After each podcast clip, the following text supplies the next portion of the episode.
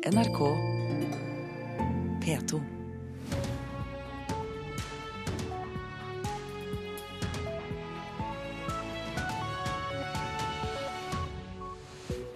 Her ønsker Øystein Heggen deg velkommen til Nyhetsmorgen tirsdag 16.12. Og dette er hovedsaker 6.30. Terrorfrykt sprer seg i Australia. Utenriksdepartementet i Australias hovedstad Canberra er evakuert etter at det ble funnet mistenkelig pakke. Et fåtall av de som blir utsatt for seksuelle overgrep, søker hjelp eller anmelder saken. Jan Gunnar Sørbø var en av dem. Jeg var jo òg, mens dette sto på, jeg var, jeg var jo livredd. Jeg var jo, jeg var jo redd for at jeg skulle dø. Det er ingen ulempe at medlemmer av Nobelkomiteen har bakgrunn som politikere, sier komitéleder Torbjørn Jagland. Og Spelemannsprisen er blitt populistisk og har utspilt sin rolle, sier Ole Paus. Først til Australia. Der sprer terrorfrykten seg. Utenriksdepartementet i Australias hovedstad Canberra er evakuert etter at det ble funnet en mistenkelig pakke. Evakueringen finner sted mens landet er i høyspenn etter gårsdagens dramatiske gisselaksjon i Sydney, da tre mennesker, inkludert gjerningsmannen, ble drept. Det er stille utenfor kafeen der alt skjedde. Menneskene stopper opp et lite øyeblikk med bøyd hode. Så er haugen av blomster litt større. Det er vanskelig for publikum å fatte hva som har skjedd. Uh, terrible, terrible victims, of course. The government, obviously, I don't think too many people have any sympathy for him. Det var sent på natt da det 16 timer lange dramaet fikk sin slutt. Ifølge meldingene ble det skutt inne på kafeen etter at en ny gruppe gisler rømte. Kort tid etterpå rykket politiet inn. Spørsmålet nå er om de drepte og skadde gislene falt for gisseltagerens kuler eller politiets. They are, are now working through interviewing everybody who was involved. There are a lot of people for them to Talsperson Catherine Byrne ved politiet i New South Wales sier at alt skal frem i lyset. Alle som har hatt en rolle skal avhøres. Men hun advarer om at det vil ta tid, for folk er veldig slitne nå, sa hun på en pressekonferanse nå. Og alle har mange følelser. Reporter her, det var Halvard Sandberg. Et fåtall av de som blir utsatt for seksuelle overgrep, søker hjelp eller anmelder saken. Mange opplever situasjonen som så vanskelig og smertefull at de ikke snakker med noen om overgrepet. Det tok mange år før Jan Gunnar Sørbø turde å snakke, turde å anmelde musikkskolelæreren som forgrep seg på ham i ungdomsårene. På den tida så øvde jeg mye, og så ble jeg stiv i armene og i skuldrene. Og han musikkskolerektoren tilbød seg da å gi meg asiatisk massasje. Musikklæreren sa han skulle utføre massasjen hjemme på rommet til 13 år gamle Jan Gunnar Sørbø. Læreren låste døra, ba Sørbø kle seg naken og begynte å massere 13-åringen. Han sa videre at det var en del av massasjeprogrammet at han skulle komme til å komme borti penis. Og, og, og det, det, det syns jeg var for, forferdelig ubehagelig. Jeg var jo òg, mens dette sto på. Jeg var, jeg var jo livredd. Jeg var jo, jeg var jo redd for at jeg skulle dø. Det skulle ta lang tid før Sørbø torde å fortelle om overgrepene som skjedde en rekke ganger. Han skamma seg, bagatelliserte det hele og holdt det inni seg helt til han, 28 år gammel, fortalte det til kjæresten. Jan Gunnar Sørbø er ikke alene om å tie om overgrep. Den viktigste faktoren var at de ikke tolka det som en voldtekt. De, de, visste ikke helt hva det var, de fant ikke begrep for det. Sier Lene Østby, høyskolelektor ved Diakonhjemmet. Hun har forska på hvorfor et fåtall av de som har opplevd overgrep, søker hjelp. Det de tenkte på som en voldtekt, var, eh, som en sa, det er en fremmed mann som hopper ut av busken, eh, som jeg aldri har møtt før, og som drar meg inn i buskene og har sex med meg. Eh, mens alle de jeg møtte, de hadde opplevd å bli utsatt for overgrep, men det stemte ikke med det de tenkte var en voldtekt. Minst én av fire kvinner har blitt pressa til seksuelle handlinger, og for menn er tallet om lag 8% Men svært få anmelder overgrepene, og et flertall av voldtektssakene som etterforskes, ender uansett med henleggelse. Likevel oppfordrer politiet folk som har opplevd seksuelle krenkelser og voldtekt til å anmelde. Det sier Kari Janne Lid, leder for avsnittet for seksualforbrytelser i Oslo-politiet. Det at eh, straffenivået nå er lagt såpass høyt, det er også et tegn, eller et signal på at samfunnet ser svært alvorlig på slike typer krenkelser. Og det slår man da eh, strengt ned på, både i forhold til etterforskning og eh, straffeutmåling. Jan Gunnar Sørbø sleit med selvmordstanker etter overgrepene. Da han til slutt fortalte kjæresten om hva som hadde skjedd, valgte han også å anmelde saken. To andre hadde også anmeldt musikklæreren, og han ble dømt til fengsel i to år og fire måneder. Det er sterke krefter som gjør at det for mange er vanskelig å ta opp. Eh, jeg kan ikke det, kalle det tabu, men eneste måten å få bukt med det på, det, det er å tåre å snakke om det. Ha begreper på det definere det og, og, og, og holde fokuset oppe på overgrep. Altså. Reportere her, det var Irina Kjelle, Kirsti Haga Honningsøy og David Krekling. Lisa Arntzen, god morgen. God morgen. Du er sosionom ved Dixi ressurssenter, arbeider for å hjelpe voldtektsutsatte og eh, deres pårørende. Og hva forteller de voldtektsutsatte deg om hvorfor de ikke anmelder? Det er mange som forteller at de sliter med veldig mye skam. Eh, og sånn som Jan Gunnar i den saken her også sa, at eh, han hadde ikke noe begrep om det eh, som hadde skjedd. Og, sånn er det nok for mange. Samtidig så er det også mange som er klar over at henleggelsesprosenten er så høy som den er, og tenker at det ikke nytter å anmelde. Ja, La oss ta dette med, som vi hørte, da, at mange ofre ikke tolker det som skjer som overgrep eller voldtekt. Hvorfor gjør de ikke det? Det er jo sånn som Lene Østby også sier i denne saken, at, eh, at eh, man tenker at det er eh, ting som skjer ute i en mørk bakgate. Men nå var jo også Jan Gunnar 13 år. Han var bare et barn. Og vi snakker ikke så mye med barn og ungdom om disse tingene. Og hva koster det da ofrene etter hvert å utsette og vente, ikke snakke om det, ikke anmelde? De får jo ikke en, en oppreisning eh, og en rettferdighet som de skal ha. Eh, og det er mange av de som kommer til oss eh, som trenger oppfølging i tiden etterpå. Og den hjelpen er det mange som ikke får når de ikke forteller. Hva ser du som de eh, viktigste følgene av at så få anmelder? Og da tenker jeg i det store hele, eh, ikke bare for ofrene, men for samfunnet som helhet. Dette fører jo til at enda flere blir eh, utsatt for voldtekt. Eh, voldtektstallene er jo ikke, eh, så vidt vi vet, på vei ned. Så det det fører til, er jo at flere overgripere går fri. Og det er klart at det er et alvorlig samfunnsproblem når vi ser hvor stort omfanget er. Når dere tar tak i dette helt konkret ved Dixie ressurssenter, hva gjør dere for å hjelpe ofrene? Prøve å få dem til å våge å anmelde? Eh, det viktigste eh, vi gjør, er å gi informasjon. Eh, og jeg tror også at en god forberedelse i denne prosessen er viktig. Fordi at det tar lang tid. Spørsmålene politiet stiller kan være ubehagelige. Mange vet ikke hvordan saksgangen er og hvilke rettigheter de har. Så det å informere på best mulig måte er vår viktigste oppgave. Hva går de forberedelsene ut på da, når dere prøver å gjøre disse ofrene klare for å ta det skrittet? Vi forteller jo eh, om hvordan politiet etterforsker. Eh, og så er det viktig for oss å si at vi er der uansett om de velger å anmelde eller ikke. Eh, det er en tøff prosess, og jeg har veldig stor forståelse eh, for at mange velger å la være å anmelde sånn som systemet er akkurat nå. Takk skal du ha, Lise Arntzen. Du jobber altså som sosionom ved Dixie ressurssenter. Takk skal du ha. Det er ingen ulempe at et medlem av Nobelkomiteen har bakgrunn som politiker. Det sier komiteens leder Torbjørn Jagland. I en kronikk i Aftenposten så slår han tilbake mot kritikken fra Geir Lundestad, som sier Nobelkomiteen ikke framstår som uavhengig dersom medlemmene har eh, politisk bakgrunn. Når det gjelder kompetanse i komiteen, er ikke politisk bakgrunn en ulempe, sier Jagland, og viser til at Nobels fredspris anses som verdens mest prestisjetunge pris.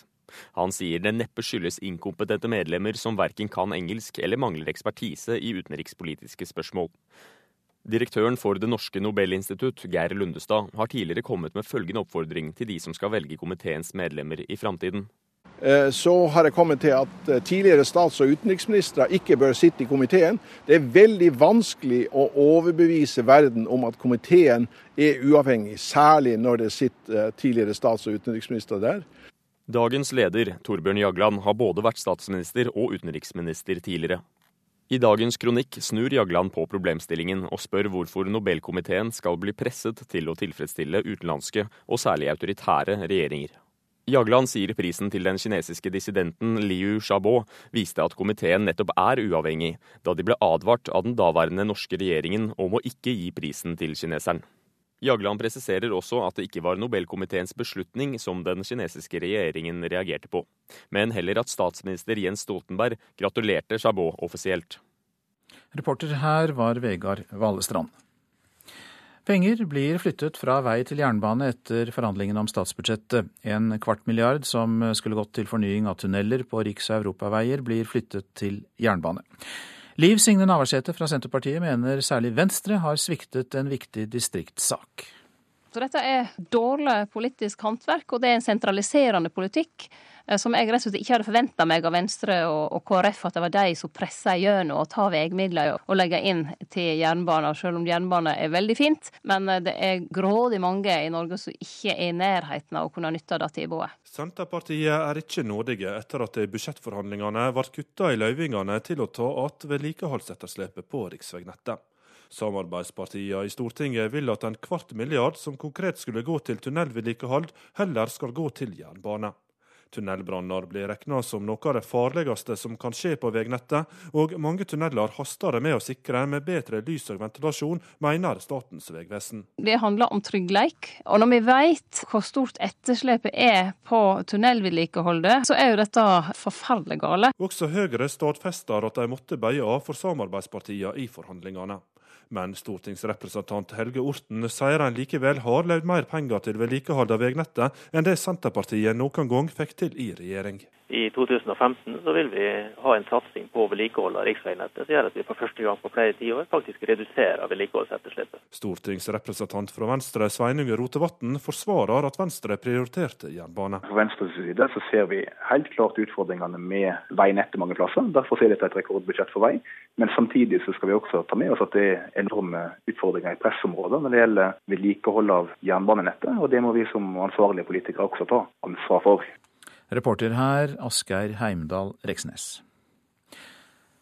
Tilsynssaken mot psykologen til barnedrapsdømte Viggo Kristiansen tar lengre tid enn først antatt. Fylkeslege Petter Schou sier det er en krevende sak. Kristiansens psykolog er anklaget for rollesammenblanding, siden han mener Kristiansen er uskyldig dømt for barnedrapene i Baneheia i Kristiansand i 2000. Fylkeslegen sier at saken er så viktig og vanskelig at det er oppnevnt en ekstern sakkyndig til å vurdere saken. Det gjør vi ofte hvis, vi, hvis det enten er stor, svært store saker, veldig alvorlige saker, eller saker som uh, har uh, prinsipiell betydning, som er viktige. Og fordi vi ofte da ikke sitter på egen kompetanse rett og slett til å kunne gi en god vurdering. Og Hvor omfattende blir en uh, tilsynssak som dette her da? Det blir fort veldig omfattende. Og dette er jo en sak som vi syns er vanskelig. Dette er en sak som er omfattende. Dette er en sak som har prinsipielt stor betydning. Vi legger til at psykologen til Viggo Kristiansen avviser rollesammenblanding, og sier han har levert inn bevis for Kristiansens uskyld, og at klagesaken derfor blir svært omfattende. Reporter var Thomas eh, Sommerseth. Fra neste høst må studenter ved Høgskolen i Østfold ta av seg nikab og andre ansiktsdekkende plagg.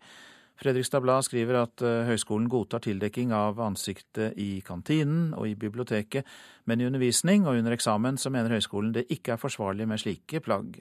Reglene gjelder kun for nye studenter ved høyskolen.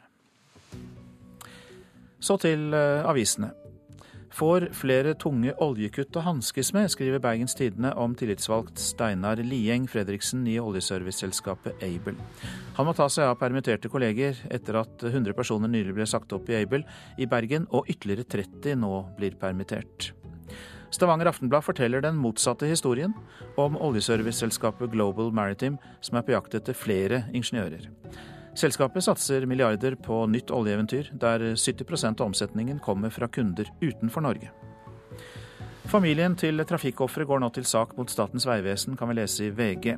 Nederlandske Dave Guardian og datteren Anja satt i en trailer som kjørte utenfor bro på Stord i fjor. Veien var isglatt, og familiens advokat sier det var en rekke feil og mangler på ulykkesstedet. Tjener minst, jobber minst og blir ikke partnere. Dagsavisen forteller om kvinnelige jurister som velger bort karrieren når de får barn, mens fedre kjører på som før. Det går fram av en ny bok om kjønnsdelt arbeidsmarked. Dagbladet har gitt eh, regjeringen terningskast. Eh, ingen får en sekser. De to eneste statsråder som skårer fem på terningen, er samferdselsminister Ketil Solvik-Olsen og utenriksminister Børge Brende. Erna Solbergs mannskap er omstridt, fraværende, men kunnskapsrikt, skriver avisa. Politiets sikkerhetstjeneste mistenker fremmede makter for å stå bak mobilspionasjen. Eksperter peker mot USA, Kina og Russland. Det er oppslaget i Aftenposten.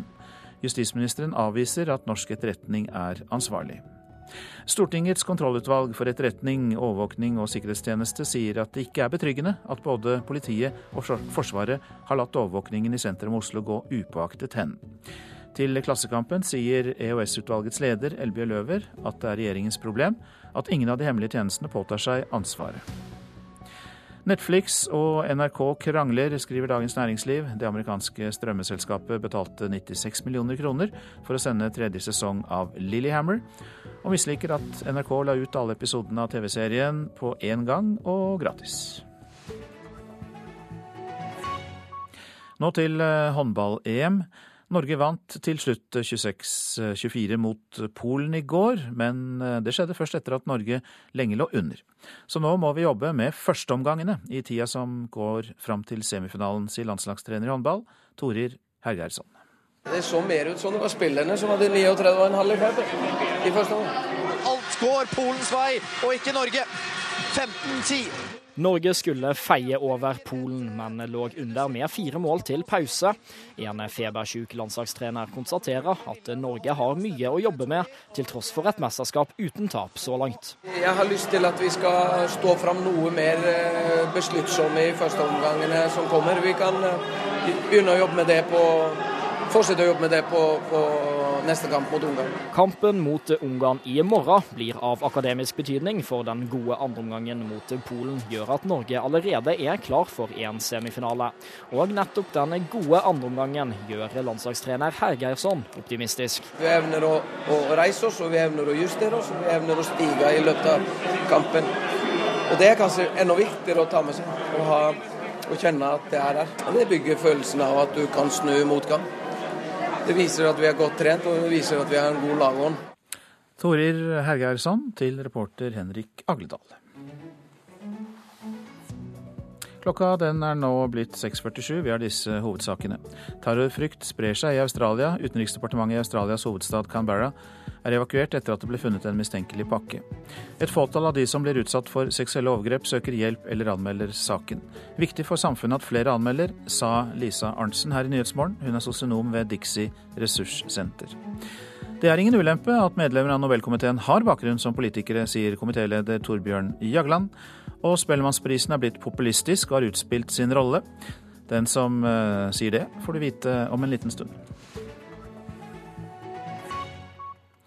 Mange bilister bruker mobiltelefonen ulovlig mens de kjører. Bruk av håndfrie hjelpemidler i bilene har hjulpet litt, men fortsatt bryter mange av oss loven. Jeg uh, kikket i kikkerten og, og så tydelig at uh, det var en dame som satt og snakket i telefon. Hun beveget leppene. Nå kommer det enda en til. Roger Sletteberg og Kjell Morten Andersen i Utrykningspolitiet har mobil- og bilbeltekontroll. Sletteberg har akkurat skrevet ut et forenkla forelegg. Nå har Andersen vinket til side en annen bilist. Han var litt velivrig, for han eh, ble ikke ferdig med å prate før han uh, sto sammen med meg. Så han måtte ringe til han opp igjen, tilbake igjen etterpå. Han vedtok et forenkla forelegg på 1300 kroner. Syns han det var verdt det, eller? Var viktig samtale? Det var ikke første gang han støtta staten, sa han. Så han var vant til det. Han kjørte mange forskjellige biler og sleit da med å ha fastmontert i alle bilene. Og tok de bøtene han måtte få, da. I forbindelse med at han hadde så mye å gjøre på jobb. Det var en av de vi sikkert kommer til å ta flere ganger. Han satt med telefonen sin opp til høyre øre, så den bilen der, den må vi få stansa. Så får vi høre hva han har å si til det. Med kikkert og uniformert politibil står UP-patruljen i veikanten litt utafor bykjernen i Grenland. Jeg flytter meg inn i bytrafikken i Grenland, og i løpet av en halvtimes observasjon ser jeg 16 førere som bruker telefon mens de kjører. Det er tungbilsjåfører og folk som kjører firmabiler, og helt vanlige bilister. Oftest er det menn som bruker telefonen. På en parkeringsplass treffer jeg fort mange sjåfører som innrømmer mobilbruk. Hender det går en tekstmelding eller to? Utenom det, headset. Så du er flink med headsetet, men ikke så flink til å la være å sende tekstmelding? Nei, det blir ikke så lett å stoppe å sende tekstmelding. Ja, det hender. Hvorfor det? Det er fordi jeg er opptatt. Jeg må ringe mens jeg er mellom møter. Ja, det skjer jo det, da. Hvorfor gjør du det? Nei, det er fordi jeg gidder ikke å vente, da. Så da blir det sånn at du tar telefonen mens du kjører.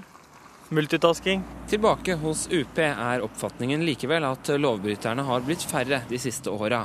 Folk er flinkere til å ha fastmonterte ting i bilen, telefonen fastmontert. Så er, folk er blitt flinkere og flinkere de siste åra. Bilene blir bedre og bedre, og når du kjøper bil i dag, så får du gjerne med systemer som eh, takler det med mobiltelefonen her. Men allikevel så tar dere en del hver gang dere kikker etter det? Ja, det, vi blir aldri kvitt det problemet der, så vi tar alltid noen når vi har kontroll her. Det er mer enn nok å skrive bøter på nå også. Det virker som om mobilbruken på norske veier vil være et problem også i tida framover. Men en bot kan iallfall være en lærepenge for mange. Jeg har blitt tatt for eh, politi med å ringe telefonen en gang, så det skjerpa seg, det. det ble bedre da? Jeg ble bedre da. Ute i trafikken var reporter Stian Vårsø Simonsen. En bok om prinsesser i Bibelen for små jenter hørte vi om i forrige uke her i Nyhetsmorgen, fordi den skapte sterke reaksjoner. Men boken er ikke et enkelt eksempel. De siste årene har det kommet stadig flere barnebøker i eh, gutte- og jenteversjon, og kritikerne frykter at det bidrar til å øke kjønnsforskjeller. Her er det jo veldig masse rosa, og en del blått. Historier og rim for gutter, historier og rim for jenter. Eller, veldig mye her er delt mellom gutter og jenter. Helle Cecilie Palmer står i en julepyntet bokhandel på Arkaden senter i Oslo. Langs veggene står det stabel etter stabel med barnebøker, de aller fleste i rosa eller blå toner. Palmer er forlagsredaktør i Respublika forlag, og er kritisk til det hun mener er en negativ trend med barnebøker rettet mot rosa prinsesser og blå prinser. Eh, det som bekymrer meg, er jo at, eh, at man begrenser valget til barna ved å si til jenter at det her skal dere interessere dere for, det her skal dere synes er gøy, det her skal dere pusle med, og, og si til guttene at det her er for dere, så, så begrenser man jo valgene både for guttene og for jentene. Eh, fordi at man da går glipp av det som forlagene har bestemt bare passer for det ene kjønnet. I Aschehoughuset sitter Jo Langeland, redaktør i Spektrum forlag, som i år har gitt ut i underkant av 100 barnebøker mange av dem i gutte- og jenteutgave. Det med kjønnsdelte bøker har vært en veldig sterk trend internasjonalt. Kanskje mindre i Norge enn andre steder, men de er, de det har vært stor etterspørsel etter dem. Han tror kjønnsdelte bøker kan hjelpe forbrukerne. De som kjøper bøkene, er ofte ikke barna selv, men foreldre eller slektninger eller venner. Og da er det sånn at ofte så kjenner du kanskje ikke barnet så veldig godt. Og så tenker du at du vet det er en jente, du vet alderen og så finner du en bok som det står 'for jente' på, så tenker du at ja, da har jeg vært litt treffsikker. Men gjør rosa og blå omslag bokvalget enklere? Jeg skal kjøpe bøker til en liten jente på tre og et halvt. Sier Ella, som er på julegavehandling. Og så sa jeg akkurat til mannen min at jeg legger merke til at det er veldig kjønnsdelt. Det er rosa til jentene og lyseblått til guttene. Palmer i Respublika tror kjønnsdelingen utelukkende er basert på å selge flest mulig bøker. Har man da en familie som har både gutter og jenter, så må man jo ha dobbelt opp. Og da selger man jo dobbelt så mange bøker, da. Hun mener forlagene har et ansvar. De bestemmer jo nettopp ved å, å utgi de her bøkene. Eh, og så kan de jo ikke nekte for at de sender noen signaler både til dem som skal kjøpe bøkene, og til dem som skal lese dem, ikke minst. Redaktør Langeland i Spektrum forlag innrømmer at de kan ha brukt kjønnsmerkelapp i overkant mye. Når noe fungerer, så kan det få av og til dumme utslag, sånn at man klistrer på for gutter og for jenter uten at det egentlig er noe poeng, bare fordi man har sett det har fungert før. Jo Langeland i Spektrum forlag der, til reporter Ingvild Fjeltveit. I fjor ble Ole Paus årets Spellemann. Nå mener han musikkprisen har utspilt sin rolle. Dagen etter at årets nominasjoner ble kjent, så sier Paus at han mener Spellemannsprisen har blitt eh, populistisk. Jeg er utrolig lykkelig her jeg står, og jeg elsker dette landet. Jeg gjør det. Slik hørtes det ut da Ole Paus ble årets Spellemann i Stavanger konserthus i januar. Elleve måneder senere sier han dette. Det er alltid mye hyggeligere å få en pris enn å ikke få den, men, men, eh, men det gjorde ikke noe særlig inntrykk på meg. altså. Jeg må si det. For jeg syns ikke, ja, ikke, at det er noe særlig stas med Spellemannprisen lenger. Ole Paus, som også fikk Spellemannprisen i klassen for visesang i 1976 og Hedersprisen i 1998, utdyper hva han mener. Jeg syns altså i det store og det hele at hele Spellemannprisen har, har, spilt ut sin rolle. Altså det, var, det var en gang da Spellemannprisen var et slags kvalitetsmotstykke til VG-lista. Og den linja har forlatt, slik, jeg ser det. Det er veldig, veldig populistisk og veldig enkle greier. Men er det litt eh, rart, som du sier, å få Årets Spellemann i, i fjor, og så si det du sier nå? Nei, det henger helt nøye sammen. I år reagerer Paus spesielt på kategorien tekstforfatter, hvor kun én av de nominerte, Siri Nilsen, skriver på norsk.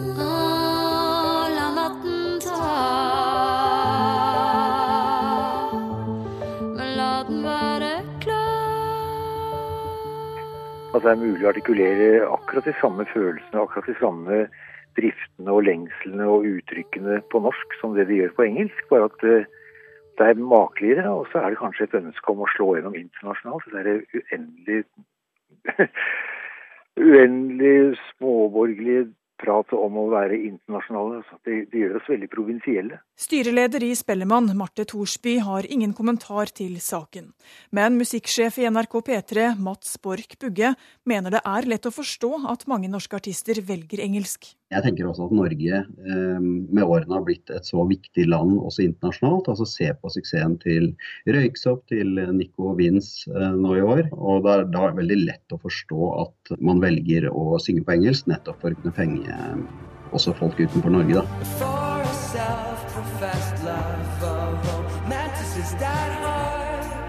Og da vet jeg at det er mange som kommer til å si at det er meg som er en grisete gammel gubbe og sånn. Og kanskje er det sant, jeg er ikke helt sikker.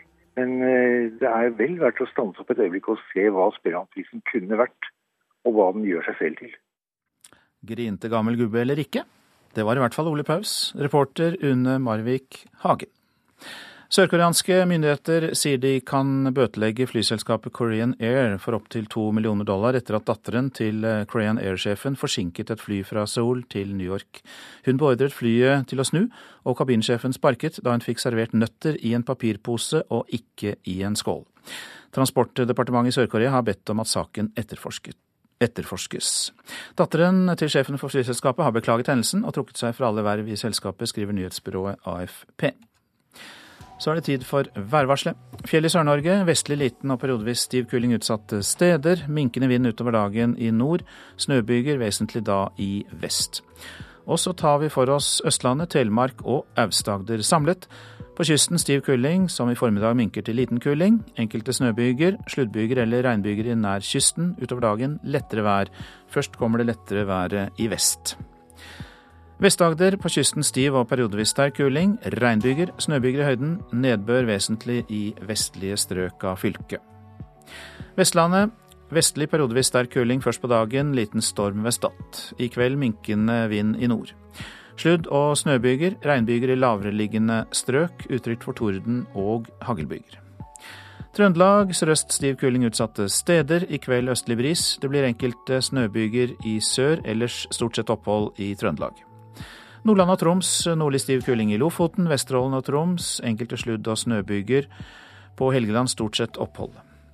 Kyst- og fjordstrøkene i Vest-Finnmark for det meste oppholdsvær. I kveld nordlig nordøstlig skal det være. Stiv kuling på kysten og snøbyger. Øst-Finnmark og Finnmarksvidda periodevis liten kuling i ytre strøk og spredt snø. Og så går vi ut i havet, til Nordensjøland på Spitsbergen. Nordvestlig stiv kuling på kysten. Fra ettermiddag liten kuling. Spredte snøbyger på kysten og ellers opphold.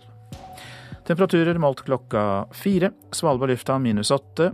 Og så er det plussgrader. Kirkenes én, Vardø tre, Alta én, Men så er det minus tre i Tromsø. Bodø null, Brønnøysund pluss én. Trondheim-Værnes eh, minus 4. Molde og Bergen begge pluss én. Stavanger to. Kristiansand-Kjevik fire.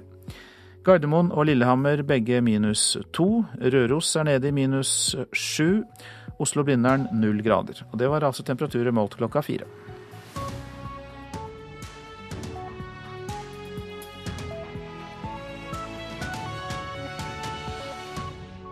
NRK P2. De fleste som blir voldtatt, søker ikke hjelp. Jagland slår tilbake mot Lundestads kritikk av politikere i Nobelkomiteen. Her er NRK Dagsnytt klokka sju. Få voldtektsofre søker hjelp eller anmelder voldtekten. Én av fire holder overgrepet helt hemmelig. Lene Østby, høyskolelektor ved Diakonhjemmet, har forsket på hvorfor personer som er utsatt for seksuelle overgrep, ikke søker hjelp. Hun sier overgrepet ofte ikke stemmer med det bildet offeret har av en voldtekt. Det de tenkte på som en voldtekt, var, eh, som en sa, det er en fremmed mann som hopper ut av busken, eh, som jeg aldri har møtt før, og som drar meg inn i buskene og har sex med meg. Eh, mens alle de jeg møtte, de hadde opplevd å bli utsatt for overgrep, men det stemte ikke med det de tenkte var en voldtekt. De hadde opplevd noe som var ubehagelig, krenkende, øh, ja, type overgrep, men de visste ikke hva det var. Og de kunne i hvert fall ikke gå på voldtektsmottaket, for det var ikke det det var. Utenriksdepartementet i Australia er evakuert etter at det ble funnet en mistenkelig pakke i kantina. Evakueringen skjer etter at en mann tok flere gisler til fange på en kafé i Sydney i går. Etter å ha forskanset seg inne i kafeen sammen med gislene i flere timer, begynte gjerningsmannen å skyte. Politiet stormet kafeen, og tre mennesker, inkludert gisseltakeren, er bekreftet døde. Det er ingen ulempe at et medlem av Nobelkomiteen har bakgrunn som politiker. Det sier komiteens leder, Torbjørn Jagland. I en kronikk i Aftenposten slår han tilbake mot kritikken fra Geir Lundestad, som sier Nobelkomiteen ikke fremstår som uavhengig dersom medlemmene har politisk bakgrunn. Når det gjelder kompetanse i komiteen, er ikke politisk bakgrunn en ulempe, sier Jagland, som svarer på kritikken fra Lundestad, som tidligere har sagt dette. Det er veldig vanskelig å overbevise verden om at komiteen er uavhengig, særlig når det sitter eh, tidligere stats- og utenriksminister der. I dagens kronikk snur Jagland på problemstillingen og spør hvorfor Nobelkomiteen skal bli presset til å tilfredsstille utenlandske og særlig autoritære regjeringer. Jagland sier prisen til den kinesiske dissidenten Liu Xiaobo viste at komiteen nettopp er uavhengig, da de ble advart av den daværende norske regjeringen om å ikke gi prisen til kineseren. Reporter her var Vegard Valestrand. Det er st store områder av Sunnfjord og Ytre Sogn i Sogn og Fjordane er nå uten både fasttelefon og mobildekning som følge av strømbrudd. Ifølge Telenor er én telefonsentral og 29 basestasjoner ute av drift, og det kan ta flere timer å rette opp feilen. Operasjonsleder Trond Hatlenes ved Sogn og Fjordane politidistrikt sier det er alvorlig når folk ikke kan ringe nødtelefonene. NRK Dagsnytt, Tonje Grimstad. Nyhetsmorgen fortsetter med disse sakene. Sydney sørger over de døde i gisselaksjonen i går. Vi får rapport fra Australia her i Nyhetsmorgen. Norske småbedrifter og kafeer er lite forberedt på gisselaksjoner. Statoil er medlem av en organisasjon som støtter klimaskeptikere. Brudd på Statoils eget regelverk, mener Greenpeace. Ja, Utenriksdepartementet i Australias hovedstad Canberra ble i dag evakuert etter at det ble funnet en mistenkelig pakke. Evakueringen finner sted mens Australia er i høyspenn etter gårsdagens dramatiske gisselaksjon i Sydney, da tre mennesker, inkludert gjerningsmannen, ble drept. Hanna Sundquist, du er nå med oss fra Sydney. Sydney. Du jobber vanligvis for NRK Troms, men rapporterer altså nå for oss fra Australia. Og Si litt mer om det som skjedde i Canberra. Det eneste vi vet fra situasjonen i Canberra, er at det var observert en ryggsekk. Eh, over 100 mennesker ble evakuert fra Utenriksdepartementet i Canberra, men det viste seg etter to timer at dette var en ryggsekk helt uten skadelig innhold. Men det viser vel eh, at man er på tå hev eh, i Australia for tiden. Og du har jo også ja. snakket med folk og fått inntrykk av de reaksjonene de har. Hva sier de? Absolutt. Uh, Sydney er sjelden så stille som i dag. Jeg har vært ute og snakka med folk, ja, og ordene som går igjen her, er frykt, sjokk og hovedsakelig sorg. Det mange beskriver som det aller mest skremmende her, er at dette skjedde på en helt alminnelig mandag på en tilfeldig kafé. Så mange sier at det er veldig vanskelig å føle seg helt trygg etter dette. Kan du si litt mer om uh, de som ble ofre for denne gisselaksjonen? Ja, vi vet at det ble drept tre under gårsdagens tragedie. To var gisler, og en av dem var gjerningsmannen. Den ene drepte er 38 år gamle advokat Katrina Dawson, som etterlot seg tre barn. Og den andre er daglig leder av kafeen Torrey Johnson på 41 år. Hva skal skje i Sydney i dag? Det skal vel være en del markeringer? Ja, på Martins Place har det blitt et eneste stort blomsterhav, og det er veldig mange som samles der for å minnes de omkomne. De første blomstene ble lagt ned der allerede klokka sju i morges, og det er mange som har reist lang vei til sentrum for å vise sin støtte. Statsminister Tony Abbott ankom nylig fra Canberra for å legge ned blomster og vise støtte for sine pårørende. Eh, så det vi vet, er at dagen i dag kommer bare til å bestå av sorg, og folk samler seg på den plassen og minnes de, på, de omkomne.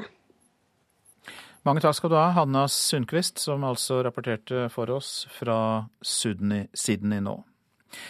NHO mener små bedrifter, som kafeer, må forberede sine ansatte på at noe lignende kan skje også her i landet. Mange er ikke forberedt på gisselaksjoner, heller ikke Kafé Liebling i Oslo. There is the main entrance that can be used as exit, and then we have like second exit on, from. På Kafé Libling på Grünerløkka i Oslo viser daglig leder Nicolos Satin hvor de ulike nødutgangene er i tilfelle det skulle oppstå en brann. Men en gisselsituasjon har de ikke forberedt seg på. Vi har ikke snakket spesifikt om en slik gisselsituasjon, sier Satin. Men vi har snakket om hva vi må gjøre i en nødsituasjon som brann, og hvordan vi på raskest og sikreste måten skal få alle ut. En gisselsituasjon har vært utenkelig.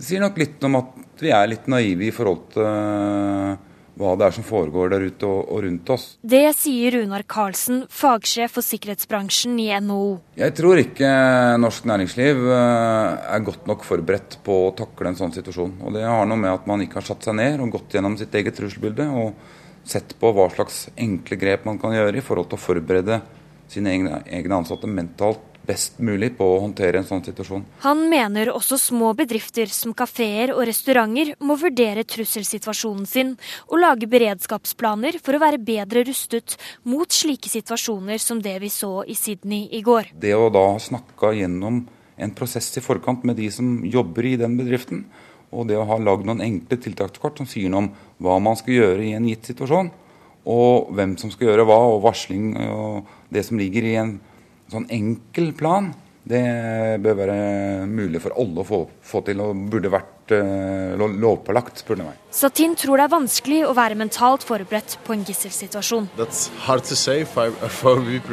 because it depends on that uh, det er vanskelig å si hvordan jeg vil reagere i en sånn situasjon. Det kommer helt an på hvordan den utvikler seg og hva slags person man er, sier Satin.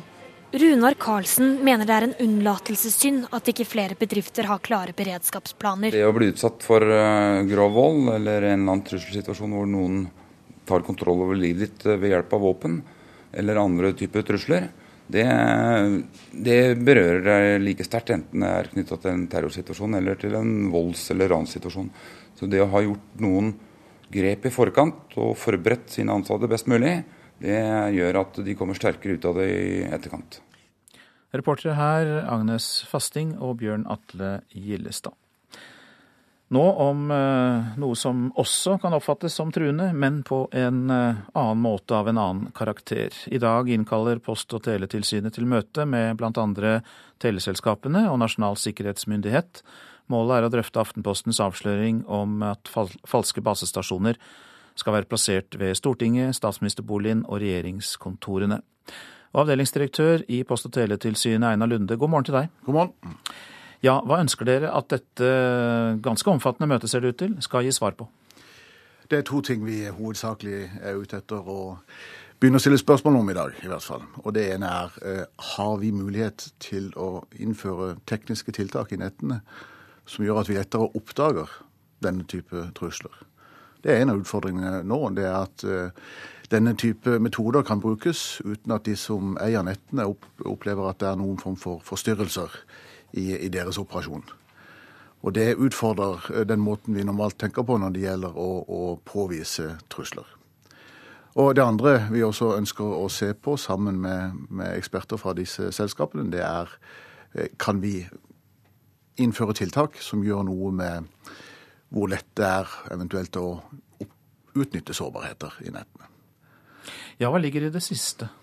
I det siste, altså dette, Den type sårbarheter som vi ser utnyttet nå, um, basert på, på avsløringen i Aftenposten, det, det, er sårbarheter som for så vidt har vært kjent uh, over en uh, ganske lang tid, men hvor uh, utnyttelsesgraden øker kraftig fordi at teknologiutviklingen gjør at redskapene blir billigere, og det blir mer tilgjengelig. De kan ganske enkelt få vite mer?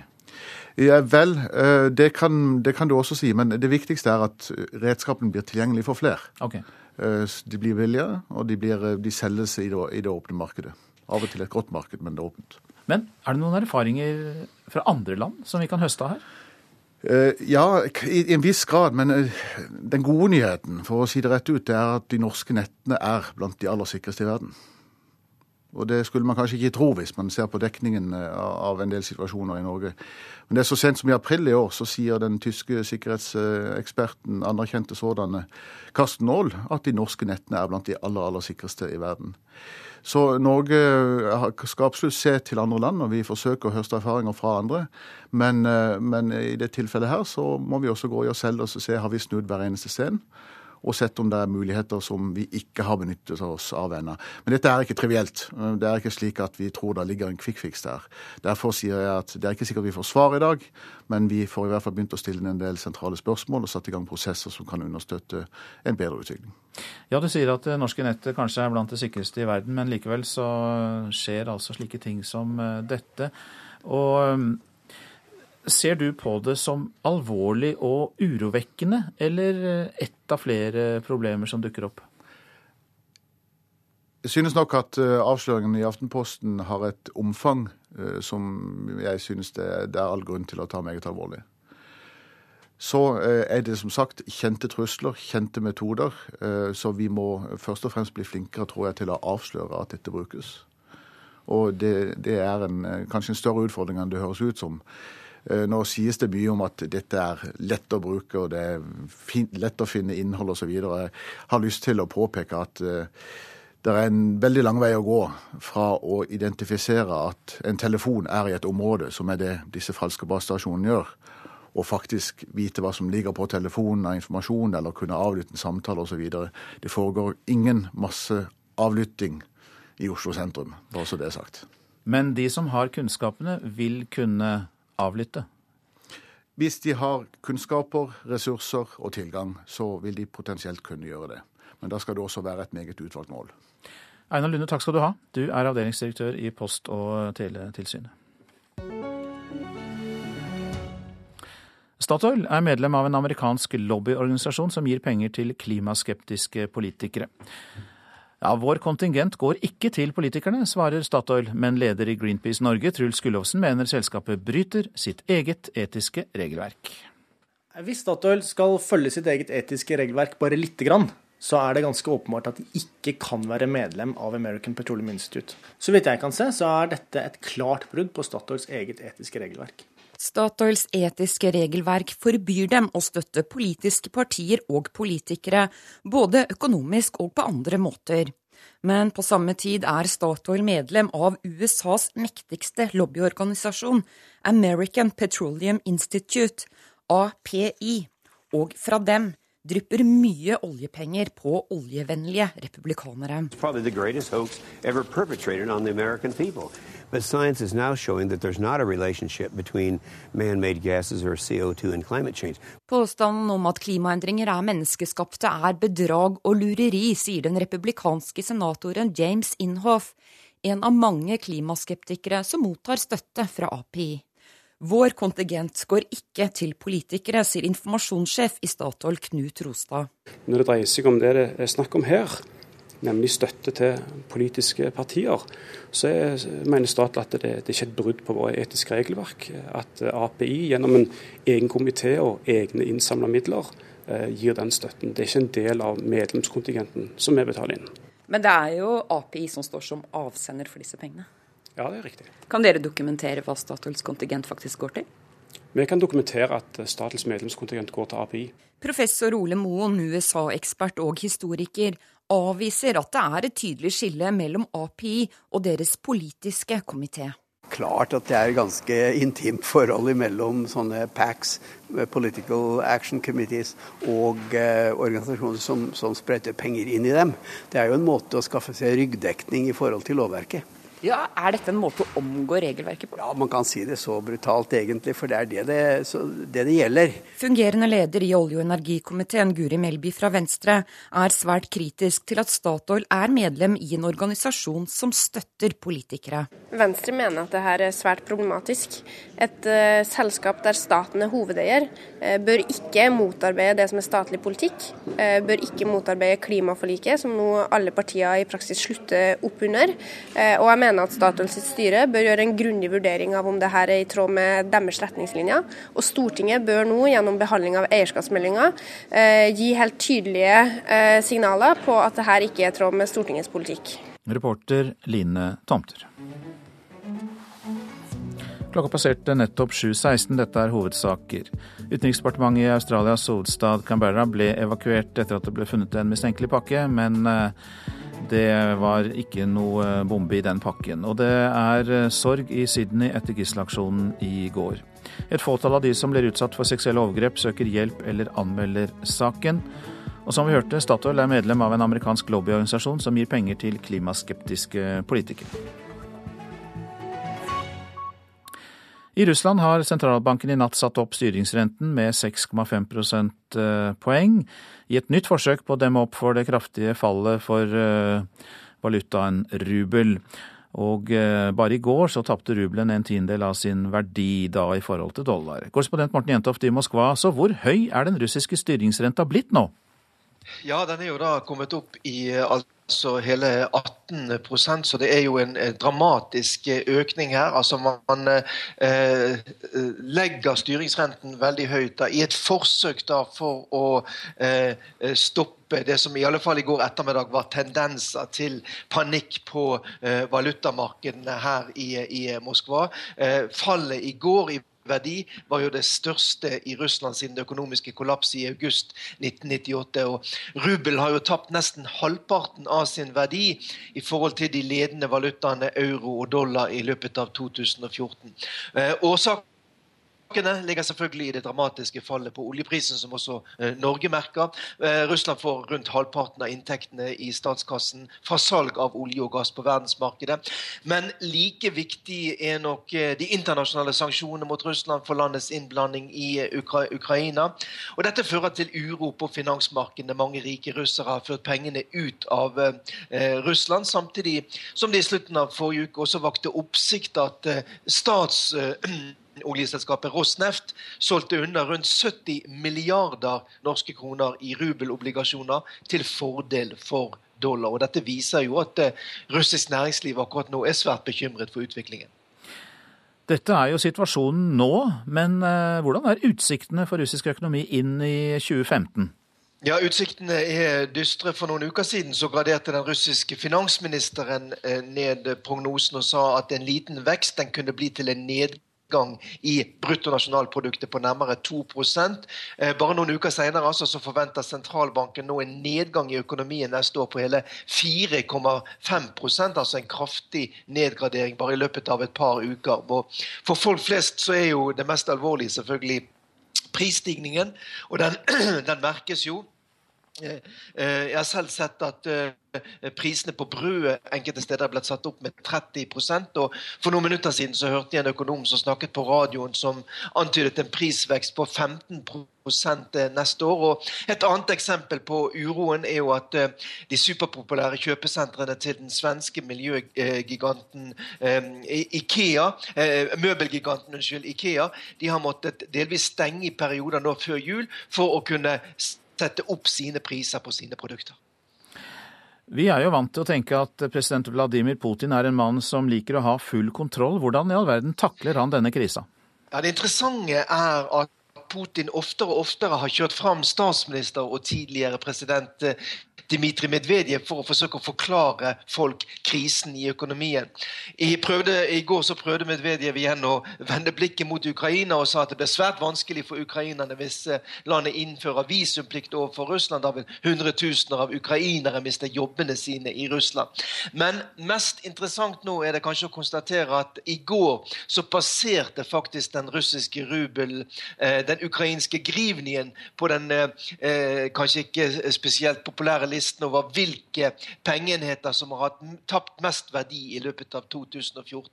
Og det er nok opplysninger som eh, verken president Vladimir Putin eller statsminister Medvedev er veldig glad for å høre akkurat nå. Mange takk, Morten Jentoft, vår eh, Moskva-korrespondent.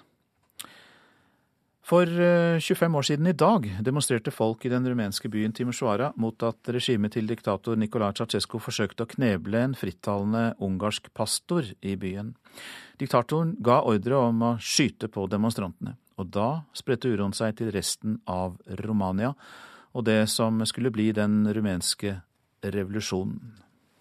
Populare din Bucuresti, considerând aceasta Nicola Ceaucescu står på en balkong i hovedstaden Bucuresti og taler til folket. Det er 21.12.1989, fem døgn etter demonstrasjonen i Timisoara.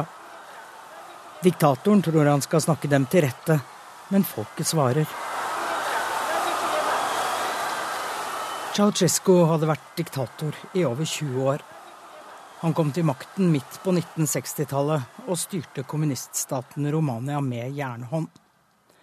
Riktignok var han til tider populær i Vesten fordi han talte Moskva imot, men mot sitt eget folk opptrådte han som en brutal diktator. Han forfulgte annerledestenkende og minoriteter. Hans redskap var det fryktede hemmelige politiet Securitate. Han skapte en enorm personkult rundt seg og konen Elena de brukte store summer privat mens folk ble fattigere. Og til slutt hørte ikke folket på ham lenger og slapp løs sitt undertrykte sinne. Revolusjonen i Romania ble blodig. Sikkerhetspolitiet Securitate ga seg ikke med det samme. Flere enn 1100 mennesker ble drept, men Ceaucescu ble veltet og kommunistregimet avsluttet. Diktatoren og hans kone forsøkte å flykte, men ble tatt av hæren og stilt for retten i en farse av en rettssak. Diktatoren var rasende. Rettssaken blir sendt på TV. Sammen med rumenere som er skadet i demonstrasjonene, ser jeg den rasende diktatoren i den provisoriske rettssalen. Jeg er en av de mange journalistene som blir sendt for å dekke denne revolusjonen. Etter rettssaken tar det ikke lang tid før presidentparet blir henrettet, også det for åpent TV-kamera. I rommet på sykehuset der jeg ser henrettelsen sammen med skadede rumenere, kan du høre knappenålen falle før TV-overføringen starter.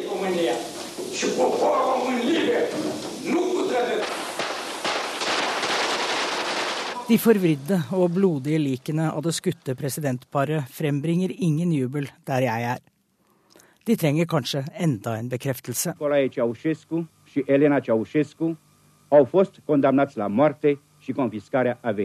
Elena og Nicolai Ceaucescu er døde, sier nyhetsoppleseren. De ble henrettet første juledag.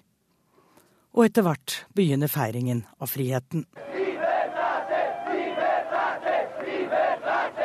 Diktatoren er borte, frihetsropene begynner å runge. Jeg kjører gjennom landet denne julen 1989 og møter mennesker som feirer. En gammel dame i en grøft som viser vedtegnet. Folk som aldri har snakket med en utlending før. En lang og vond periode i rumensk historie er over. Reporter her, det var Anette Groth, som altså var en av de reporterne som dekket revolusjonen i Romania for 25 eh, år siden. Så til eh, noe av det avisene skriver om i dag. For flere tunge oljekutt å hanskes med, skriver Bergens Tidende om tillitsvalgt Steinar Lieng Fredriksen i oljeserviceselskapet Able. Han må ta seg av permitterte kolleger etter at 100 personer nylig ble sagt opp, og at ytterligere 30 nå blir permittert. Stavanger Aftenblad forteller den motsatte historien om oljeserviceselskapet Global Maritime, som er på jakt etter flere ingeniører. Selskapet satser milliarder på nye oljeeventyr, der 70% av omsetningen kommer fra kunder utenfor Norge. Familien til trafikkofferet går nå til sak mot Statens vegvesen, kan vi lese i VG. Nederlandske Dave Guardian og hans datter Anja satt i en trailer som kjørte utenfor en bro på Stord i fjor. Veien var isglatt, og familiens advokat sier det var en rekke feil og mangler på ulykkesstedet. Tjener minst, jobber minst og blir ikke partnere. Dagsavisen forteller om kvinnelige jurister som velger bort karrieren når de får barn, mens fedre kjører på som før. Det går fram av en ny bok om det kjønnsdelte arbeidsmarkedet. Dagbladet har gitt regjeringen terningskast, terningskast. Ingen får sekser. To får uh, fem på terningen. Det er samferdselsminister Ketil Solvik-Olsen og utenriksminister Børge Brende. Erna Solbergs mannskap er omstridt, fraværende, men kunnskapsrikt, skriver uh, avisa. Elever skal lære om Syria gjennom rollespill på en skole i Tromsø. I tillegg får elevene ved Vorkinmarka skole bedre mattekunnskaper. Skal vi ta buss, eller skal vi ta fly? Altså, um, Fly er jo mye kortere, men samtidig veldig, litt farligere. Og det koster mer. Elevene i 5A ved Vorkinmarka skole i Tromsø er delt i grupper, eller ulike familier. En familie har bokhandel, en annen har snekkerverksted. Rollespillet er en del av et arbeid for å finne nye metoder å jobbe med matematikk i skolen på. Det er et samarbeid mellom professor i drama ved Høgskolen i Nesna, Tor Helge Allern, og Ove Drageseth fra Institutt for lærerutdanning og pedagogikk ved Universitetet i Tromsø. Det handler om eh, å endre matematikkundervisninga gjennom å bruke rolle. Eh, det som er tanken nå, er at de skal lære seg å spille rolle. Og For å lære å spille rolle, så blir de satt i eh, Spiller de at de er familier i Damaskus som opplever krig, og bestemmer seg for å flykte. Og Flukten skal da gå via med buss til Alexandria og båt til Europa. Det vet ikke de foreløpig. Hvor kommer matten i det her? Jo, samtale i matematikklasserommet er ofte veldig enspora, der læreren eh, både spør og evaluerer. Eh, hvis en vil ha mer aktive elever, så må de ta andre roller i rommet. Så det handler om å lære dem opp å spille roller. Så skal vi bruke de rollene i ettertid til å eh, løse matematikkoppgaver der de får beskjed om å ta visse roller. Askfur, hva er det som skal skje nå? Vel, eh, nå tror jeg vel vi skal begynne å tenke fly eller buss. Hva, hvordan måte skal vi flykte på? Hvorfor skal dere flykte? Fordi det kommer til å bli ganske farlig å være her. Da kan vi bli bomba og. Tatt til fange torturert. Men du, det her er jo et rollespill. På deg så virker det som at du, du føler at det er nesten på ekte. Gjør det det? Ja. Hvorfor det? Fordi det var Det føltes ganske ekte ut. Fordi det var liksom helt vanlig, og så kom liksom plutselig krigen, og det føltes ganske veldig ekte. Hva tenker du om dem som bor i Syria i dag? Uh, jeg tenker jo uh, Jeg syns synd på dem. Ja. Tenker du mer på dem etter at du begynte med det her rollespillet? Fordi etter vi fikk se bildene og sånn, så tenkte jeg mye verre på hvordan de kan ha det. Men du lærer dere egentlig noe av det her? Ja ja. Mye. Hva dere lærer Nei, Vi lærer om Syria, hvordan det er i krigen. Vi lærer hvordan det var før krigen. Vi lærer veldig mye. Og det var Tove Jensen som hadde vært på besøk eh, på, hos 5A ved Vorkinmarka skole i eh, Tromsø. Du lytter til eh, Nyhetsmorgen, produsent i dag Thomas Theis Haugan. Her i studio Øystein Heggen. Og vi kan fortelle at en av verdens største operastjerner er i hardt vær. Russisk-østerrikske Anna Netrebko har nemlig posert med de ukrainske separatistenes flagg. Mer om det i reportasjen etter Dagsnytt. Og i Politisk kvarter er sykehusstriden mellom Molde og Kristiansand tema. NRK P2.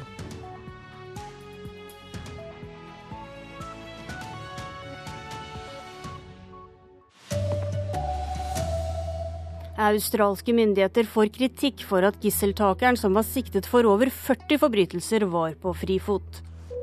Mange voldtektsofre forteller ikke noen om overgrepet. Statoil er med i organisasjon som gir penger til amerikanske klimaskeptikere. Her er NRK Dagsnytt klokka 7.30. Australske myndigheter skal nå undersøke alle forhold rundt gisseldramaet som kostet tre mennesker livet. Samtidig kommer det kritikk mot myndighetene fordi de lot gisseltakeren gå fritt i samfunnet, med flere titalls siktelser mot seg.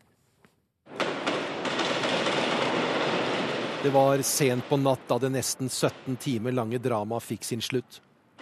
Hva som skjedde rett før politiet stormet, er uklart. Men flere australske medier melder at et av gislene, innehaveren av kafeen, som er blant de drepte, forsøkte å ta våpenet vekk fra gisseltageren da han var i ferd med å sovne. Da begynte skytingen. Blant de drepte er også gisseltagere. En 50 år gammel mann som skal ha mentale problemer. Han er siktet for medvirkning til drap på sin kone. 40 siktelser for seksuelle overgrep mot seks forskjellige kvinner. Dømt er han bare for hatbrev til familiene til australske soldater som hadde falt i Afghanistan. Det sa reporter Halvard Sandberg. Og korrespondent Peter Svaar, har australske myndigheter svart på kritikken om hvorfor gisseltakeren var på frifot?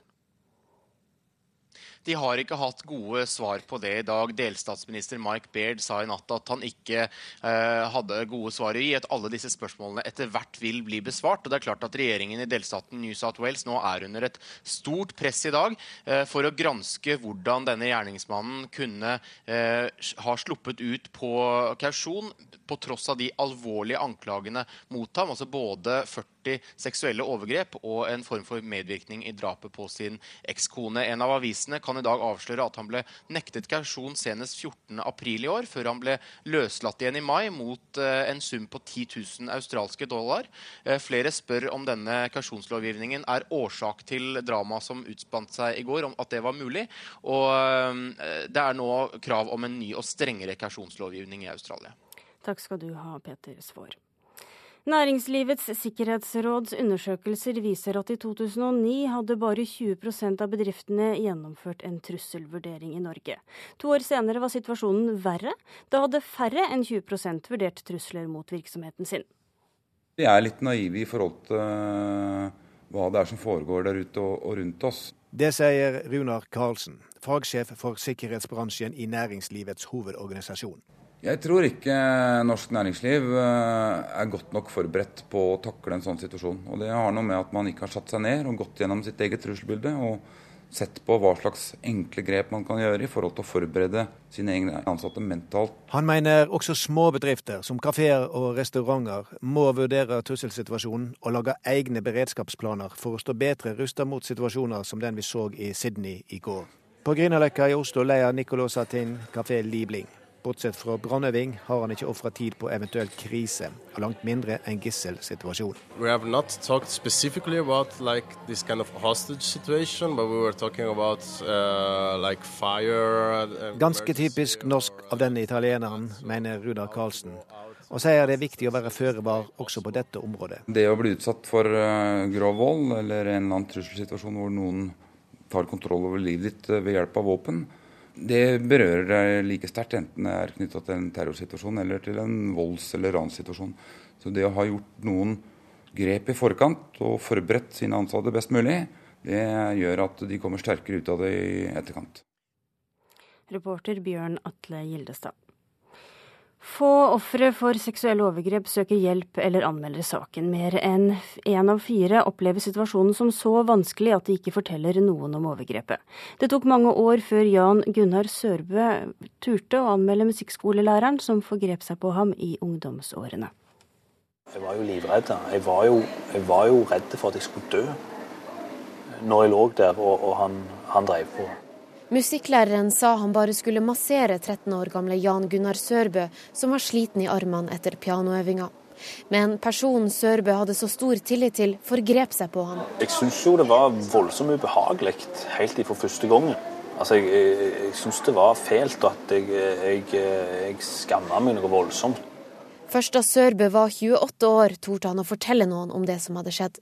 Han er ikke alene om å tie om seksuelle krenkelser og overgrep. Den viktigste faktoren var at de ikke tolka det som en voldtekt. De, de, visste ikke helt hva det var, de fant ikke begrep for det. Sier høyskolelektor Lene Østby ved Diakonhjemmet. Hun har forska på hvorfor et fåtall av de som har opplevd overgrep, søker hjelp. De hadde opplevd noe som var ubehagelig, krenkende, øh, ja, type overgrep, men de visste ikke hva det var. Og de kunne i hvert fall ikke gå på voldtektsmottaket, for det var ikke det det var. Det er også svært få som anmelder overgrepene, og gjør de først det, blir sakene som etterforskes i 80% av tilfellene henlagt. Etter mange år valgte Jan Gunnar Sørbø til slutt å anmelde saken. To andre hadde også anmeldt musikklæreren, og han ble dømt til fengsel i to år og fire måneder. Det er, det er sterke krefter som gjør at det for mange er vanskelig å ta opp. Jeg kan ikke kalle det, kalle det tabu, men eneste måten å få bukt med det på, det, det er å tåre å snakke om det. Reportere Kirsti Haga Hanningsøy, David Krekling og Irina Kjelle. Lise Arntzen, sosionom ved Dixie ressurssenter, arbeider for å hjelpe voldtektsutsatte og deres pårørende. Hun sier at det får alvorlige konsekvenser for samfunnet når så få anmelder. Dette fører jo til at enda flere blir eh, utsatt for voldtekt. Eh, voldtektstallene er jo ikke, eh, så vidt vi vet, på vei ned. Så det det fører til, er jo at flere overgripere går fri. Og det er klart at det er et alvorlig samfunnsproblem når vi ser hvor stort omfanget er. Statoil er medlem av en organisasjon som gir penger til klimaskeptiske politikere. American Petroleum Institute er USAs mektigste lobbyorganisasjon. Vår kontingent går ikke til politikere, svarer Statoil. Leder i Greenpeace Norge, Truls Gullofsen, mener selskapet bryter sitt eget etiske regelverk. Så vidt jeg kan se, så er dette et klart brudd på Statoils eget etiske regelverk. Statoils etiske regelverk forbyr dem å støtte politiske partier og politikere, både økonomisk og på andre måter. Men på samme tid er Statoil medlem av USAs mektigste lobbyorganisasjon, American Petroleum Institute, API, og fra dem drypper mye oljepenger på oljevennlige republikanere. Vår kontingent går ikke til politikere, sier informasjonssjef i Statoil Knut Rostad. Når det dreier seg om det det er snakk om her, nemlig støtte til politiske partier, så er, mener Statoil at det, det er ikke et brudd på våre etiske regelverk. At API gjennom en egen komité og egne innsamla midler eh, gir den støtten. Det er ikke en del av medlemskontingenten som vi betaler inn. Men det er jo API som står som avsender for disse pengene? Ja, det er riktig. Kan dere dokumentere hva Statoils kontingent faktisk går til? Vi kan dokumentere at Statoils medlemskontingent går til API. Professor Ole Moen, USA-ekspert og historiker, avviser at det er et tydelig skille mellom API og deres politiske komité. Klart at det er et ganske intimt forhold mellom sånne PACs, Political Action Committees, og eh, organisasjoner som, som spretter penger inn i dem. Det er jo en måte å skaffe seg ryggdekning i forhold til lovverket. Ja, Er dette en måte å omgå regelverket på? Ja, Man kan si det så brutalt, egentlig, for det er det det, det, det gjelder. Reporter Line Tomter. I fjor ble Ole Paus årets Spellemann. Nå mener han musikkprisen har utspilt sin rolle. Dagen etter at årets Spellemannsnominasjoner ble kjent, sier Paus at han mener prisen har blitt populistisk. Jeg er utrolig lykkelig her jeg står, og jeg elsker dette landet. Jeg gjør det. Slik hørtes det ut da Ole Paus ble årets Spellemann i Stavanger konserthus i januar. Ole Paus, som også fikk Spellemannprisen i klassen for visesang i 1976 og Hedersprisen i 1998, utdyper hva han mener. Jeg syns altså i det store og det hele at hele Spellemannprisen har, har, spilt ut sin rolle. Altså det, var, det var en gang da Spellemannprisen var et slags kvalitetsmotstykke til VG-lista. Og den linja har forlatt, slik, jeg ser det. Veldig populistisk og veldig enkle greier. Som en hjemlengsel i min sjel. Styreleder i Spellemann, Marte Thorsby, har ingen kommentar til saken. Men musikksjef i NRK P3, Mats Borch Bugge, sier dette. Jeg tenker at eh, Spellemann eh, er en viktig eh, musikkpris. Den har overhodet ikke utspilt sin rolle. Jeg syns han tar i litt for hardt. Det sa Mats Borch Bugge, og reporter var Une Marvik Hagen. Ansvarlig for sendingen Ulf Tonnes Fjell. Teknisk ansvarlig var Hanne Lunås, og i studio satt Tonje Grimstad.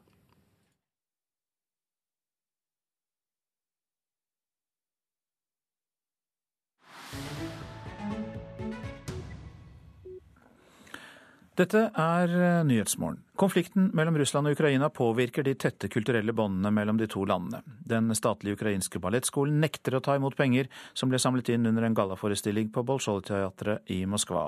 Samtidig er verdens kanskje største kvinnelige operastjerne for tiden, Anna Netrebko, i hardt vær, etter å ha posert med flagget til separatistene i Øst-Ukraina.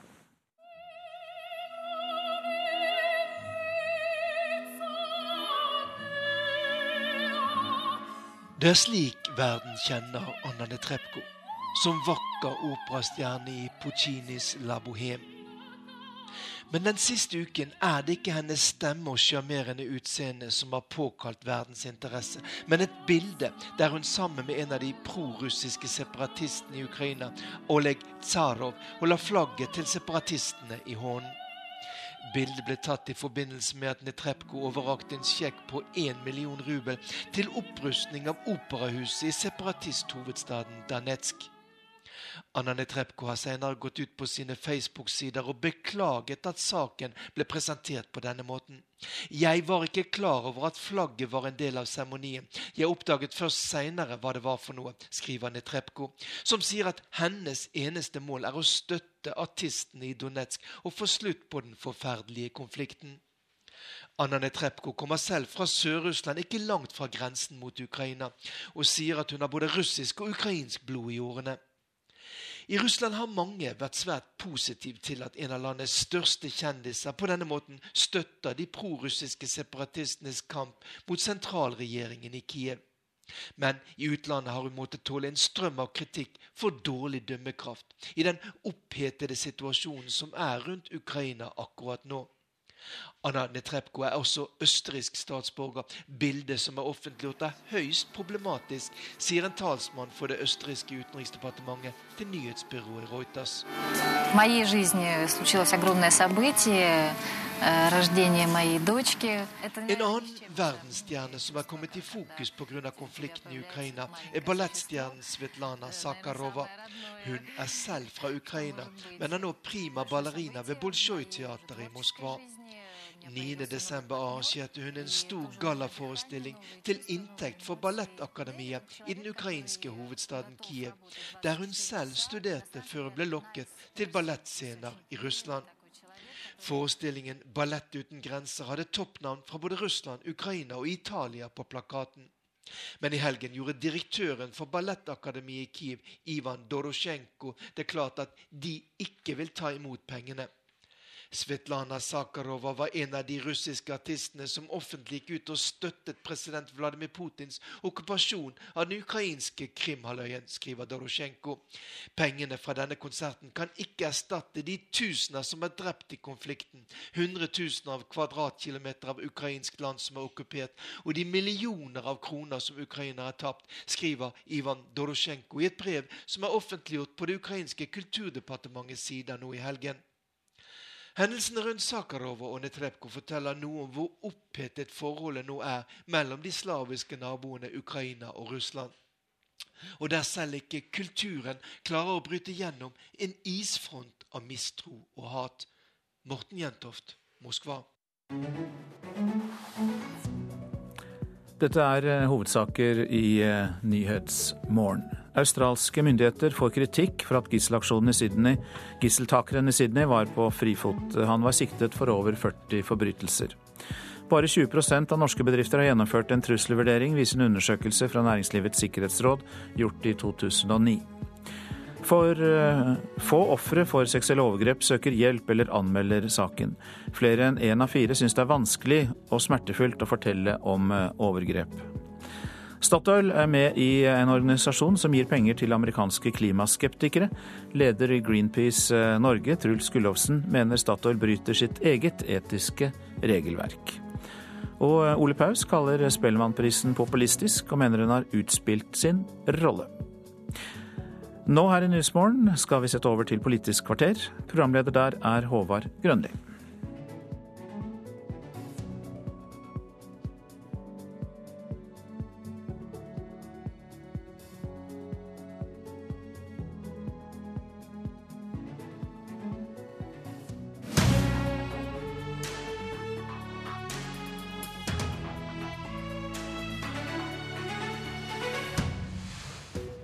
Sykehusstriden mellom Nordmøre og Romsdal gjør at noen kaller området for Norges Midtøsten.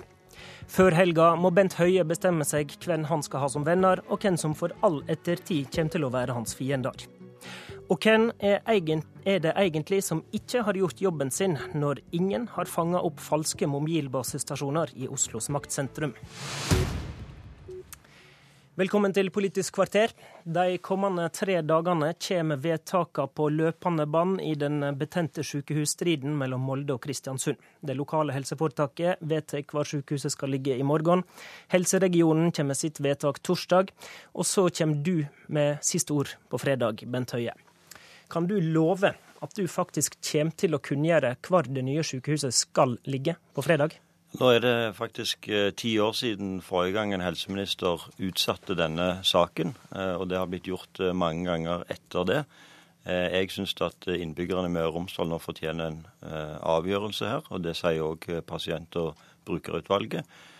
Men mitt utgangspunkt er derfor at hvis Helse Møre og Romsdal sitt styre på onsdag eh, behandler saken og mener at de har et godt saksgrunnlag for det, og at Helse Midt-Norge sitt styre på torsdag behandler saken, så er det min intensjon å ta en avgjørelse på fredag. Det hørtes ut som et ja. Før vi går videre med deg, Høie, vender vi oss til deg i Kristiansund, Vidar Solli. Du er partikollega med Høie og er Høyres ordførerkandidat i Kristiansund, og er høgst kritisk til din egen statsråds rolle i denne striden. Hva har han gjort gale? Ja, Vi er kritiske til prosessen. Vi hadde en veldig god prosess som nå er havarert.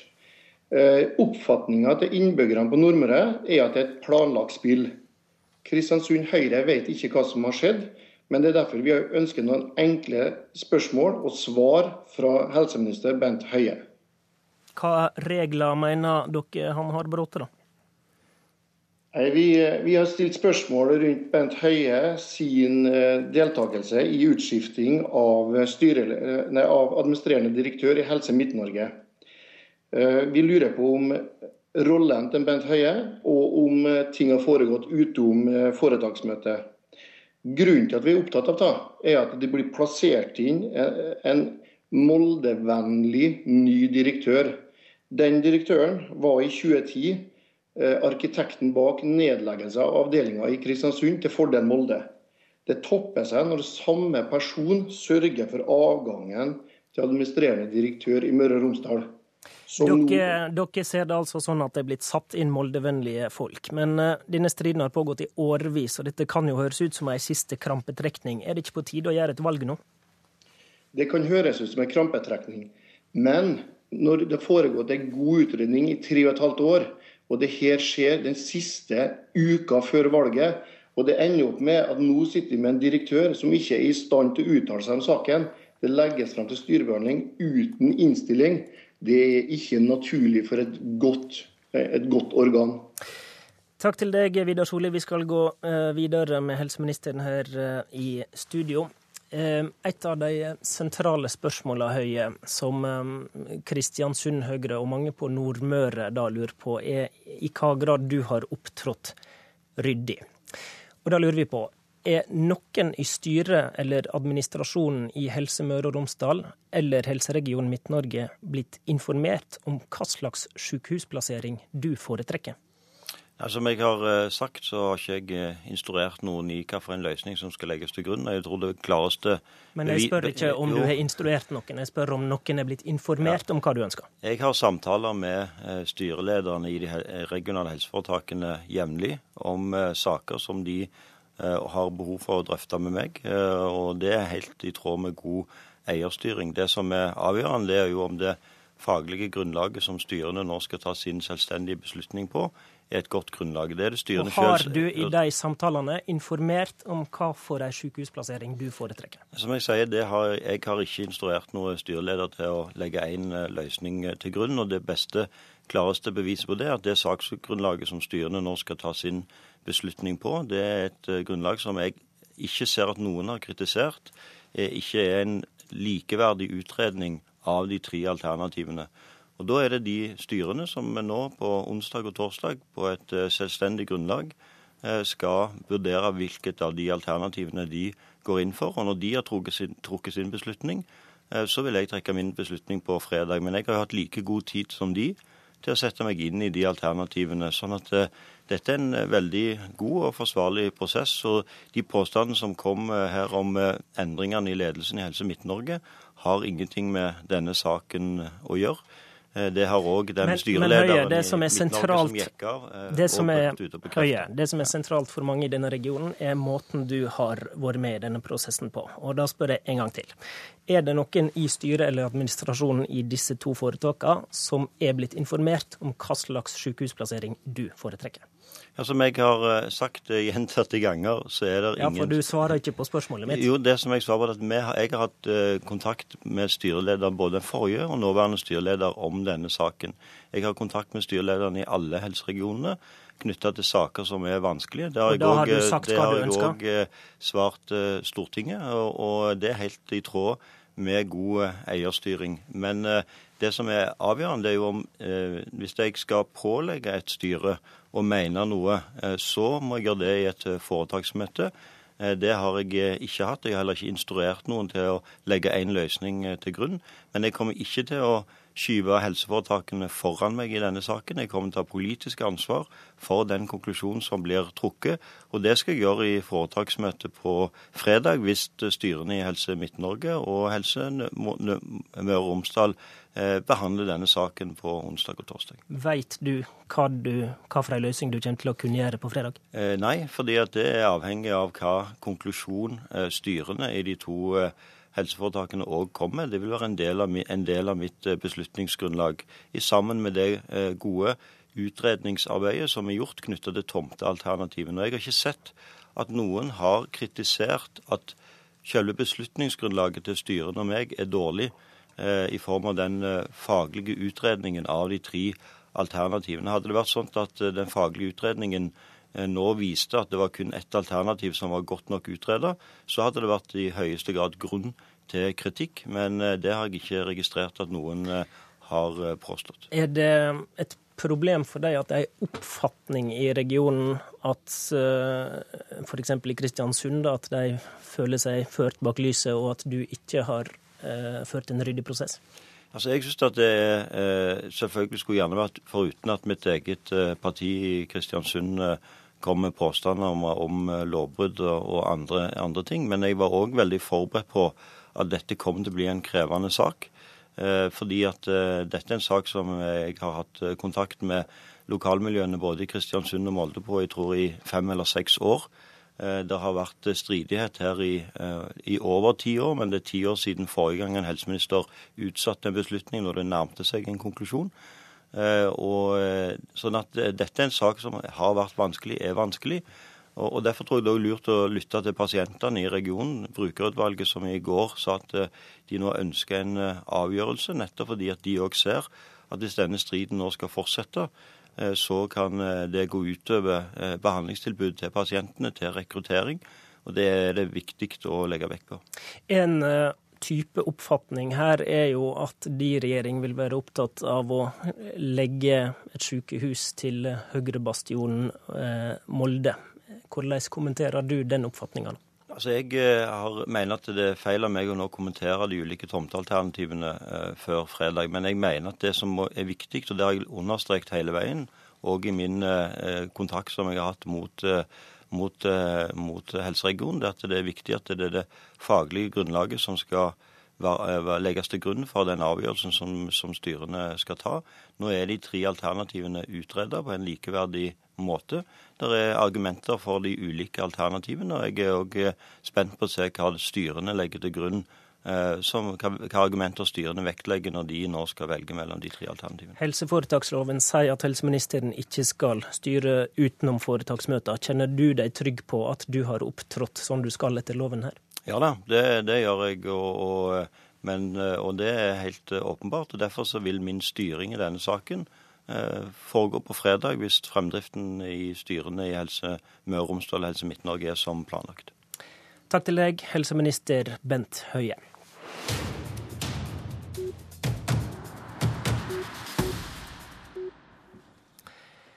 Hvem var det som ikke gjorde jobben sin når det var Aftenposten som måtte oppdage falske basestasjoner i Oslo sentrum?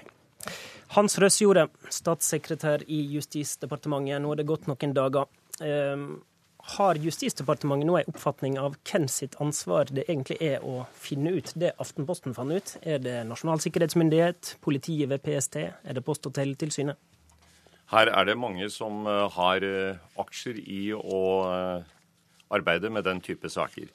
Jeg har bare lyst til å peke på at når det gjelder selve trusselvurderingen, så hvis vi går til PST sin trusselvurdering utgitt for inneværende år, så heter det der eh, videre vil eh, Norge også det kommende året utsettes for etterretningsvirksomhet som kan være skadelig, svært skadelig, for norsk økonomi, for politiske og sikkerhetsmessige interesser. Så det er altså et, det brede spekter som peker på at trusselen er der. Den er erkjent. Og eh, det er dette vi nå arbeider med. Og hvem hadde ansvaret for å finne ut det Aftenposten fant ut? Nå er, nå er ansvaret selvsagt delt på de ulike organisasjonene. Er, er det en del av Hver... problemet her? Nei, jeg tror ikke det er en del av problemet. Men eh, det er eh, definitivt en del av løsningen. Det er godt samarbeid på tvers av eh, faggrenser. Lederen i EOS-utvalget, Elbjørg Løver, peker i Klassekampen i dag på at regjeringa sitt problem er at ingen av tjenestene oppfatter at de har hatt ansvaret for å forhindre dette. Er de oppfatning også at alle trodde noen andre hadde ansvar for dette? Nei, jeg tror ansvaret er klart uh, tilkjennegjort gjennom det lovverket og, og, de styringsmekanismer som er.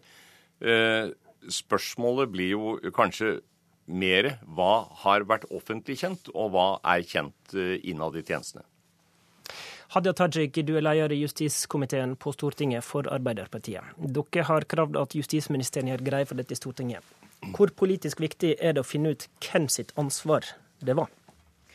Altså Det politisk viktige her er jo klare styringslinjer og klare ansvarsforhold. Eh, så jeg vil si at det er helt avgjørende at Røsjordet og regjeringen kan svare på hvem er det man forventer at rutinemessig skal foreta ja, forebyggende arbeid for å unngå overvåking av eh, viktige samfunnsinteresser. Hvem mener du det er sitt ansvar? Grunnen til at jeg nå blir stille, er at det avhenger av hvordan man definerer det. Hvis man definerer det som forebyggende objektsikring, så pleier det tradisjonelt å ligge innenfor Nasjonal sitt ansvarsområde. Hvis man ser på disse falske basestasjonene som Eh, altså noe som potensielt kan utløse behov for kontraetterretning, så er det tradisjonelt noe som ligger innenfor Politiets sikkerhetstjeneste sitt område. Så er det jo også sånn at Stortinget i utgangspunktet har unntatt sikkerhetsloven, noe som tilsier at det er Oslo politidistrikt som har ansvaret for byggene i sitt distrikt, og som da har ansvaret for å forebygge. Og da faller dette kanskje mellom alle stoler, Røsjordet? Eh, jeg tror jeg skal føye til rollen til Post- og teletilsynet, som jo har et ansvar for Enda en stol, med andre ord. Enda en stol. Eh, men det er samvirke mellom, mellom, disse som er med på å gi resultatet. Nå har jo eh, da eh, det fra Stortingets side, fra, fra en rekke partier, vært sendt et brev til statsråden, og svaret vil komme. Aftenposten spør i dag din sjef Anundsen om det kan være utstyr satt ut av norsk etterretning. Han svarer en skal lete lenge i lova etter heimel for denne typen virksomhet. Er dere da sikre på at ingenting av dette tilhører norske tjenester? Eh, jeg bare viser til hva statsråden har sagt i går, og har ikke noe mer å tilføye til det. Tajik, hvis dette også er utstyr som er utplassert av eh, norske tjenester, er det da uproblematisk? Altså, Jeg forutsetter at eh, justisministeren har rett når han sier at dette ikke er satt ut av norske tjenester. Jeg har tillit til det han sier, og det må være vårt utgangspunkt i tilnærmingen til dette. Er at regjeringen jo nå får faktaene på bordet, avklare hvem som burde ha forebygget det, og også klargjøre hvordan de vil unngå at denne type ting ja, skjer i stort omfang i framtida. Det er jo klart at Man kan jo ikke fjerne alle muligheter for overvåking, men man kan redusere risikoen. Og vi har foreløpig ikke fått klarhet i hvilke forventninger regjeringen har, eller hvilken etat de forventer at skal gjøre dette, men det håper jeg at eh, vi kan få. Takk til Tajik og Røsjorde. Det var Politisk kvarter.